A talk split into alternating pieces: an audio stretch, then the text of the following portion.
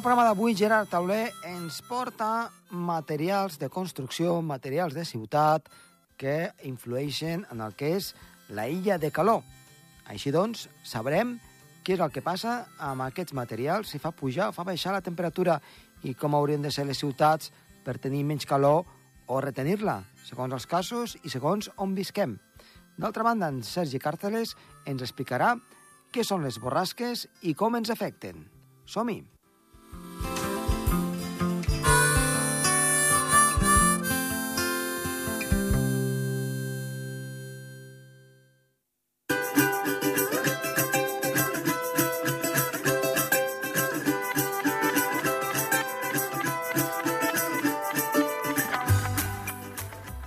Comencem el programa parlant amb Gerard Tauler. Gerard, molt bona tarda. Hola, bona tarda, Josep Tomàs. Doncs moltes gràcies per tornar a estar aquí amb nosaltres al programa. Gràcies Eh, a tu. De, I ens agradaria que avui ens expliquessis una mica, eh, ja ho vam comentar una mica fora d'antena, eh, tot això que tu estàs estudiant, però el tema de materials. Illa de calor, però no suposo que totes les illes de calor eh, són iguals i té molt a veure el tipus de materials que hi podem trobar. Mm, no sé si m'equivoco, no m'equivoco, si això és així... Sí, o no té res a veure. raó, tens raó. La... Hi ha factors controlables a Sí. l'illa de calor que, que, que són els materials, per exemple. Mm, Per exemple, Els materials, la geometria, el tamany de la ciutat... Sí, sí, sí. per Per exemple, exemple, el, el formigó, Sí. la fau, són materials amb una gran capacitat calorífica i amb un albero baix que, que, absorbeixen molt la radiació solar i la, la, la meten a, a, a, a la- a l'atmosfera Mhm. urbana i, i escalfen molt la- l'ambient. Les temperatures són molt més altes que amb altres materials, com per exemple paviments, eh, asfalts me, més clars, per exemple el green roof, teulades verdes, que, que Ja. són, són a, dins, a, a, a dalt de, dels edificis de, de les ciutats doncs posar allò zones verdes un hortet com, o... com, com, com horts però uh, diferent, verd Mhm. I Ma- escolta, zones, parlaves de geometria. zones, zones permeables que permeten baixar la temperatura de l'edifici i també la temperatura dels voltants de- de- de- de- d'aquest edifici de, i de la ciutat si n'hi ha molts Mhm. a, a diferents ciutats de, de, del món, per exemple a Chicago, eh, s'ha observat 3 o 4 graus menys eh, per, per, per aquest efecte de, de, de, del green roof, de les teulades verdes. Mhm. I també, evidentment, un dels factors més importants per l'illa de calor és, és això de, de, de, de, del trànsit el trànsit automobilístic, disminuir el trànsit de cotxes, però els cotxes generen molta calor, no? Clar, el rodament, el rodament amb l'asfalt, per això l'asfalt sempre està calent, perquè... el rodament i, i, i, els, i els gasos que, que, que expulsen i, Eh, i l'escalfor de, de, dels motors de combustió. Però tu parlaves de la geometria, també, i m'ha sorprès Sí, la mica. geometria, clar. Eh, en, en ciutats, a, amb edificis molt alts, la, la, la temperatura mínima és més alta que, que en, en ciutats amb edificis baixos. Mhm. Perquè, clar, el factor de visió del cel és més baix. El factor de visió del cel és el, el, el tros de cel que veus des de la superfície. Mhm. Si, si, si, si els carrers són estrets o els edificis són alts, eh, es veurà un tros de cel molt petit i el, i el terra de la ciutat emetrà molt, molt poca ca- calor durant la nit i la temperatura mínima serà més alta que, que, que, que, si el, els carrers són més amples o, o els edificis són més baixos. Mhm. El color també dels edificis suposo que... Sí, evidentment el color dels edificis, evidentment. Clar. O, o les teulades blanques, sí, sí, sí, són, són més fresques. Aquests- Evidentment. Uh, i, I també, clar, els, vi, els vidres, que no, no, no hi hagin edificis en gaires vidres, en, en climes càlids, perquè, evidentment, eh, es- es- s'escalfa molt a dins a l'interior dels edificis i això també escalfa a l'exterior i augmenta l'illa de calor. Per tant, els vidres no són bons en aquest aspecte, no? És una cosa que et volia... En, en Perquè ara, climes càlids, no. ara està molt de moda, no?, tot que sigui de vidre. Sí, bueno, clar, és que hi ha d'haver un diàleg entre els climatòlegs, els arquitectes, els enginyers, tots els, els que planifiquen la ciutat, per, per, per, per, clar, depèn del clima de, de, de cada zona. Ah, ara estic pensant Clar, en, en, i- en els Emirats Àrabs, a, a, I, ja a Dubai. posant les piles, perquè, per exemple, ara a, a Barcelona hi ha altres ciutats, totes les ciutats de- d'Espanya de més de 50.000 habitants, eh, zones 30 de quilòmetres per hora, no? I, Ja. i es vol reduir la, la, la, la mobilitat eh, amb cotxe eh, en, a les ciutats, però, però, però els cotxes són grans culpables de l'illa de calor. Uh -huh. um, estava pensant en, en, en els Emirats Àrabs, no? En Dubai, que tenen grans edificis de vidre, enormes. Sí. De fet, el més alt del món és pràcticament tot de vidre o, o gran sí, sí, part. sí, sí, sí, està clar, i en aquests llocs són de clima molt càlid, Sí. clima càlid i sec, sí, sí, sí, sí, sí. És, és complicat, no, no, no sé. Ah, En aqu aquests climes hi ha, hi ha moltes estratègies, aquests climes àrids i secs. Uh, hi ha les torres de vent que refrigeren l'interior dels edificis, però clar, uh, en aquestes ciutats modernes doncs ge generen molt, molt, de, molt de gasos d'efecte hivernacle per refredar els, els edificis. Ja. Clar, clar, com estan fets de vidre, clar, les temperatures a dins de l'edifici, si, no, si no està refrigerat, si, si no, doncs se- pujaria molt. Mm. I, en, I en cas d'un clima doncs, fred, doncs com ho hauríem de fer? Doncs, eh, clar, un clima fred, al contrari, doncs... Posar vidres. Color, color, colors més, més foscos, clar. Més foscos per agafar una mica més la calor Clar, a la nit, no? i, i, i també, clar, en, en els nostres climes temperats, Uh -huh. doncs arbres de fulla caduca, no? Perquè a, a, a l'hivern pugui escalfar el sol a, a, la, a la superfície al, carrer Uh -huh. i en canvi a l'estiu doncs les fulles dels arbres disminueixen la temperatura clarament i sobretot la temperatura mitjana radiant i fan més, més confortable el pas dels vianants pa, pa, pels carrers. Home, la dit- temperatura pot variar la temperatura 3 o 4 graus, però la temperatura se- sentida, Sí. percebuda per les persones, pot variar per 10 o 12 graus. És el que t'anava a dir, no? Que han, han arribat a dir, no? Que gràcies a les ombres mm, la sensació pot ser de 10 o 12 graus menys. Sí, sí, sí, sí, sí, sí, sí, sí, és veritat, és veritat, jo ho he llegit, sí, sí, sí. Doncs, uh, Gerard, uh, moltíssimes gràcies per fer-nos aquí res, punt Tomàs. de com hauríem de viure en un món una mica doncs, eh, millor i sense eh, tanta calor en aquest aspecte per les illes de calor. Perfecte, sí, sí, sí. Vinga, moltes gràcies. Adéu-siau. De res. Vinga, fins la propera.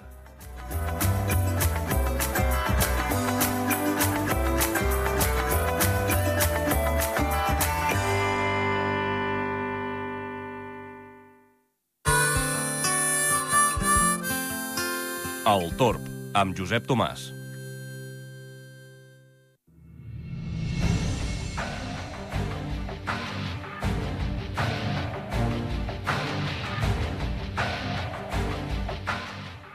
Doncs avui tenim en Sergi Càrteles que ens parlarà ni més ni menys d'un tema que és també base.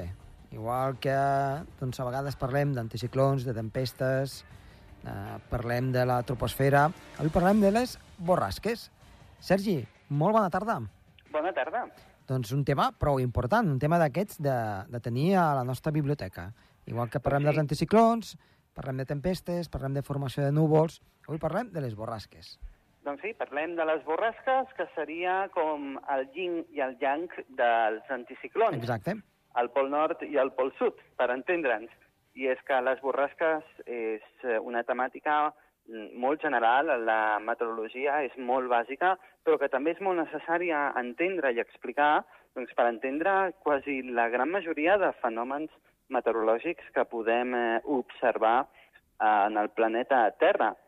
Si t'assembla bé, doncs començarem explicant una mica què és una borrasca i Mm. després què comporta una borrasca.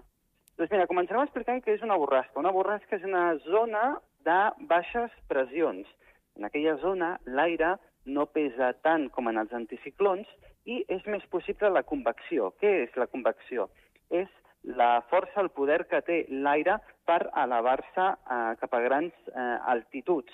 Com ja sabem com es formen els núvols, és perquè les molècules d'aigua que eh, doncs hi ha a la superfície es poden elevar, van augmentant d'altura i mentre es van elevant, doncs es van refredant el que és vapor d'aigua o, una, o aigua en estat gasós es converteix en estat líquid a causa doncs, d'aquest refredament. eh, quan s'acumulen moltes gotes d'aigua, ja sabem que es formen els núvols, que els podem veure a simple vista si hi ha una gran acumulació, i evidentment, doncs, aquests núvols són molt grans i es formen els cumulonimbus, doncs es formen aquestes tempestes amb aquests fenòmens adversos doncs, que són preciosos, la veritat tenen molt de joc meteorològic, però també són igual de perillosos. Com vam explicar amb els anticiclons, també explicarem ara amb les borrasques, eh, la, mateixa, la mateixa referència que vaig utilitzar, i és que amb els anticiclons hem dit que eh, quan, eh, si ens hem d'imaginar que et causa el terra, estàs en el terra i t'intentes aixecar. En el cas dels anticiclons, perquè ens entenguéssim, és com si una persona t'empenyés cap a baix. Mm. Llavors t'impedeix eh, elevar-te, posar-te en peu. En canvi, una borrasca, en aquest cas, és una persona que t'ajuda a, a aixecar-te i llavors t'és més fàcil. Doncs eh, passa el mateix amb la formació de núvols o amb les gotes d'aigua. Com els hi resulta molt més fàcil pujar cap amunt, es crea convecció i les borrasques sempre porten gran nuvolositat i tempestes. A part, també, si és una borrasca o una depressió molt profunda, doncs també hi haurà una gran velocitat eh, del vent perquè entenguem o puguem veure visualment una borrasca, eh, quan veiem els, núvol, ai, els mapes del temps, eh, veiem doncs, la A mayúscula, sí. que en aquest seria els anticiclons, i després, depèn de quin lloc, es veu una B mayúscula, que seria de borrasca, o una D, que seria una depressió. Eh, doncs bé, eh, sempre que veiem aquesta B mayúscula o aquesta D mayúscula, doncs, eh, es refereixen a les depressions que poden ser molt profundes. Hi ha algunes depressions que ha arribat a tenir eh, 800, eh, 980 hectopascals, 975 hectopascals, inclús una mica més, en el cas que es comencin a formar tempestes tropicals, i hi ha algunes que són molt més eh, lleugeres. Perquè sapiguem si estem en una situació anticiclònica o en una situació eh, de borrasca, mm. eh, la pressió atmosfèrica ha de ser inferior a 1.013,2 hectopascals. En el cas de que estiguem eh, en un valor inferior, llavors estem en una situació de depressió. Llavors, eh, ens preguntarem, i què és el que causa les borrasques, o quins fenòmens eh, produeixen les borrasques, millor dit? Doncs el que diem, eh, les borrasques eh, no només eh, estan representades amb aquesta mm, lletra en mayúscula, sinó també amb unes línies, unes línies que a vegades haurem vist que són línies de color blau, de color, de color vermell i també de color mm, lila, color granat, en aquest cas. Uh, si veiem aquestes línies de color blau que a part són punxegudes, com triangles, estem parlant de fronts freds. Uns fronts, una massa d'aire més freda del normal, que el que fa és, doncs, a part de refredar la superfície en la que està, doncs també empeny l'aire, que és més càlid, sí. cap a cotes més elevades, però de forma molt brusca. I aquests fronts freds sempre porten doncs, precipitacions abundants i tempestes. En canvi, hi ha un altre front que es diu front càlid, que es representa amb un color vermell i unes boletes de color vermell eh, doncs, que formen el pal, en el que doncs, és una massa d'aire una mica més càlida de, del normal de, que hi ha en aquella zona i les pluges, les precipitacions no són tan intenses. És més, un front càlid és molt fàcil de, de veure a simple vista perquè primer es formen núvols alts i prims, que poden enteranyir el cel, sí. després es mhm. formen mm. núvols ja mitjans, una mica més gruixuts, i que sí que creen ombra, i després ja acaben sent núvols baixos, que porten amb ells precipitacions. No són precipitacions abundants, eh, però sí que poden ser bastant constants. Pot estar plovent un dia sencer a causa d'aquest eh, front, encara que seran pluges moderades en aquest cas.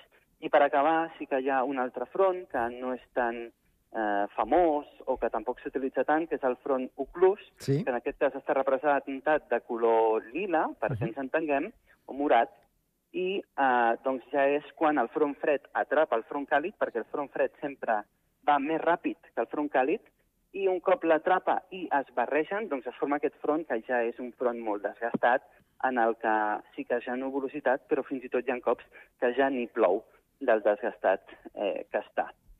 Però te'n recordes que hem parlat dels cumulonimbus i hem parlat de les tempestes? Sí. Doncs bé, eh, les tempestes ja són al final del front fred i en aquesta zona és la zona més activa que, que tenim en la situació de, de borrasques. I en aquesta zona es formen els cumulonimbus que, com ja hem explicat algun cop, són aquests núvols de tempesta que generen llamps, generen trons, fins i tot, si és una tempesta molt potent, es pot crear pedra, calar marça i en segons quines zones, a la muntanya.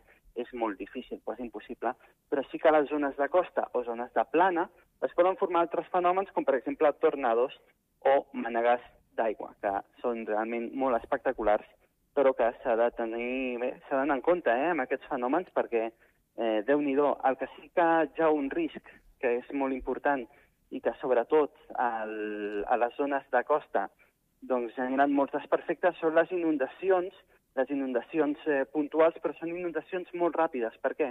Perquè segons quina tempesta pot ploure o pot caure entre 20 i 30 litres per metre quadrat en poc més de mitja hora Clar. o una hora. I això s'atura No, sí. tot, claveguera, riu, rierols, tot, no? Co- Correcte, correcte. I Barrancs. més segons quina, quina temporada de l'any, perquè, clar, si això passa a la tardor, que és quan ja molts arbres de fulla caduca comencen a perdre les fulles, aquestes fulles cauen al terra, no s'han netejat i comencen a entaponar el clavegaram, també és un problema, en aquest cas. I bé, eh, d'inundacions a Andorra n'hem tingut eh, bastants, Mhm. i algunes inundacions molt importants, que els carrers eren literalment rius, a que Sí, sí, bé, vaja, el, el riu torna a agafar el que, el que és el seu curs, encara que el desviem, la força de la gravetat, la força de la natura, doncs, fa que eh, el riu Gran Valerià doncs, eh, hagi estat desviat i recordem les inundacions del 82, que va tirar pel, pel dret, no? doncs, eh, carrer, carrer Meritxell avall, avinguda Meritxell avall, doncs, eh, per algo serà, no? perquè doncs, agafa una mica el que és el, el seu curs natural. I com tu bé deies, eh, doncs, esclar, eh, aquestes grans precipitacions venen gràcies doncs, a la formació de, de les borrasques, una mica, doncs, que és el que estem parlant eh, al llarg del dia d'avui. Doncs sí, aquestes borrasques que doncs, eh, se situen al llarg del globus eh, terraqui i hi ha algunes zones que eh, les borrasques són molt més comunes que altres. Per exemple, justament a l'Equador Sí. és una zona on les borrasques són eh, permanents. Evidentment, ja sabem que el planeta Terra doncs, és inestable, va fluctuant, i igual que vam dir que els anticiclons a vegades es, es van movent i es van desplaçant, doncs també passa amb les borrasques. Hi ha una borrasca que es forma bastant, sobretot a les illes britàniques, tota aquella zona de l'Atlàntic, una borrasca que doncs, normalment genera pluges per aquella zona, per Mhm. això també diem que, per exemple, a Londres doncs quasi sempre està plovent, no? I és perquè està situat en una zona on les borrasques són comuns. Però com vam parlar, si un anticicló com l'anticicló de les Açores es desplaça massa cap al nord i arriba a les illes britàniques, el que fa és empènyer aquelles borrasques més cap al sud. I llavors és quan ens arriben aquestes precipitacions que poden durar bastants dies. I la veritat és que generen bastanta, bastanta gresca a, a casa nostra. Eh, per tant, doncs, eh, tenim aquesta situació, doncs, la borrasca dels països nòrdics i Islàndia, eh, tenim també la, dels, la zona aquesta de baixes pressions de l'Equador i suposo que a l'hemisferi sud hi ha la mateixa situació a la inversa, no?, una mica. Zones per on es mouen els anticiclons i zones on són de, de vents forts i de borrasques que van circulant per la zona doncs, de l'oceà Índic, Pacífic, eh, i tota aquesta àrea que, a més a més, com que no troben eh, poc continent, diguem-ne, doncs fan de les seves, no? I, I tant. i, i van girant cada cop amb més velocitat, no? Sense, sense pràcticament que ningú els aturi. Sí, i bé, hi ha algunes borrasques que agafen tanta velocitat i tanta profunditat que es formen els huracans. Que Mhm. Això doncs, també ho hem, ho hem parlat algun cop, Sí. que ja són depressions molt, molt profundes en el que mira si, si la pressió atmosfèrica és baixa en el seu centre, que no generen ni núvols. Ja, llavors es crea aquest ull, Uh -huh. en aquest cas. Exacte, exacte. És, és, és una cosa doncs, veritablement extraordinària, com pots, quan ho pots veure doncs, en fotografies d'avions que doncs, creuen per allí i fan, i fan uh, els, els seus estudis. I per, per acabat voldria demanar eh, el tipus de precipitació que poden dur les, les borrasques. Eh, suposo que els anticiclons també portaven una mica de precipitació, vam parlar doncs, de boires, vam parlar doncs, de, depèn com es situaven, doncs, si feien o causaven llevantades, eh, les pertorbacions, les borrasques en si, doncs deuen tenir tot el ventall de, del tipus de precipitació, no?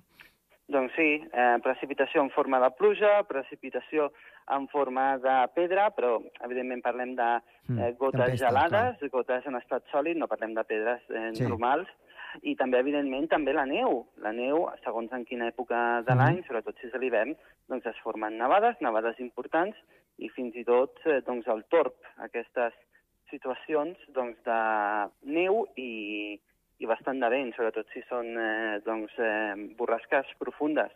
I és per aquesta raó que quan aquestes borrasques a l'hivern doncs, es mantenen en el centre d'Europa, llavors es crea aquest tel blanc que podríem dir que quasi tota Europa, o almenys el centre-nord d'Europa, Mm. està nevat, en aquest cas. Clar, aquesta situació que sempre doncs, veiem amb els satèl·lits, eh? quan, quan hi ha un anticiclo veiem doncs, gran part d'Europa sota, sota la neu.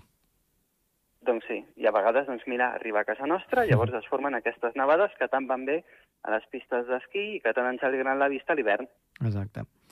Doncs, Sergi, eh, moltes gràcies per avui donar-nos aquest, eh, aquesta pinzellada d'aquest tema doncs, eh, de meteorologia bàsica, que són les borrasques. Un plaer. Fins la propera. Adéu-siau. Adéu. I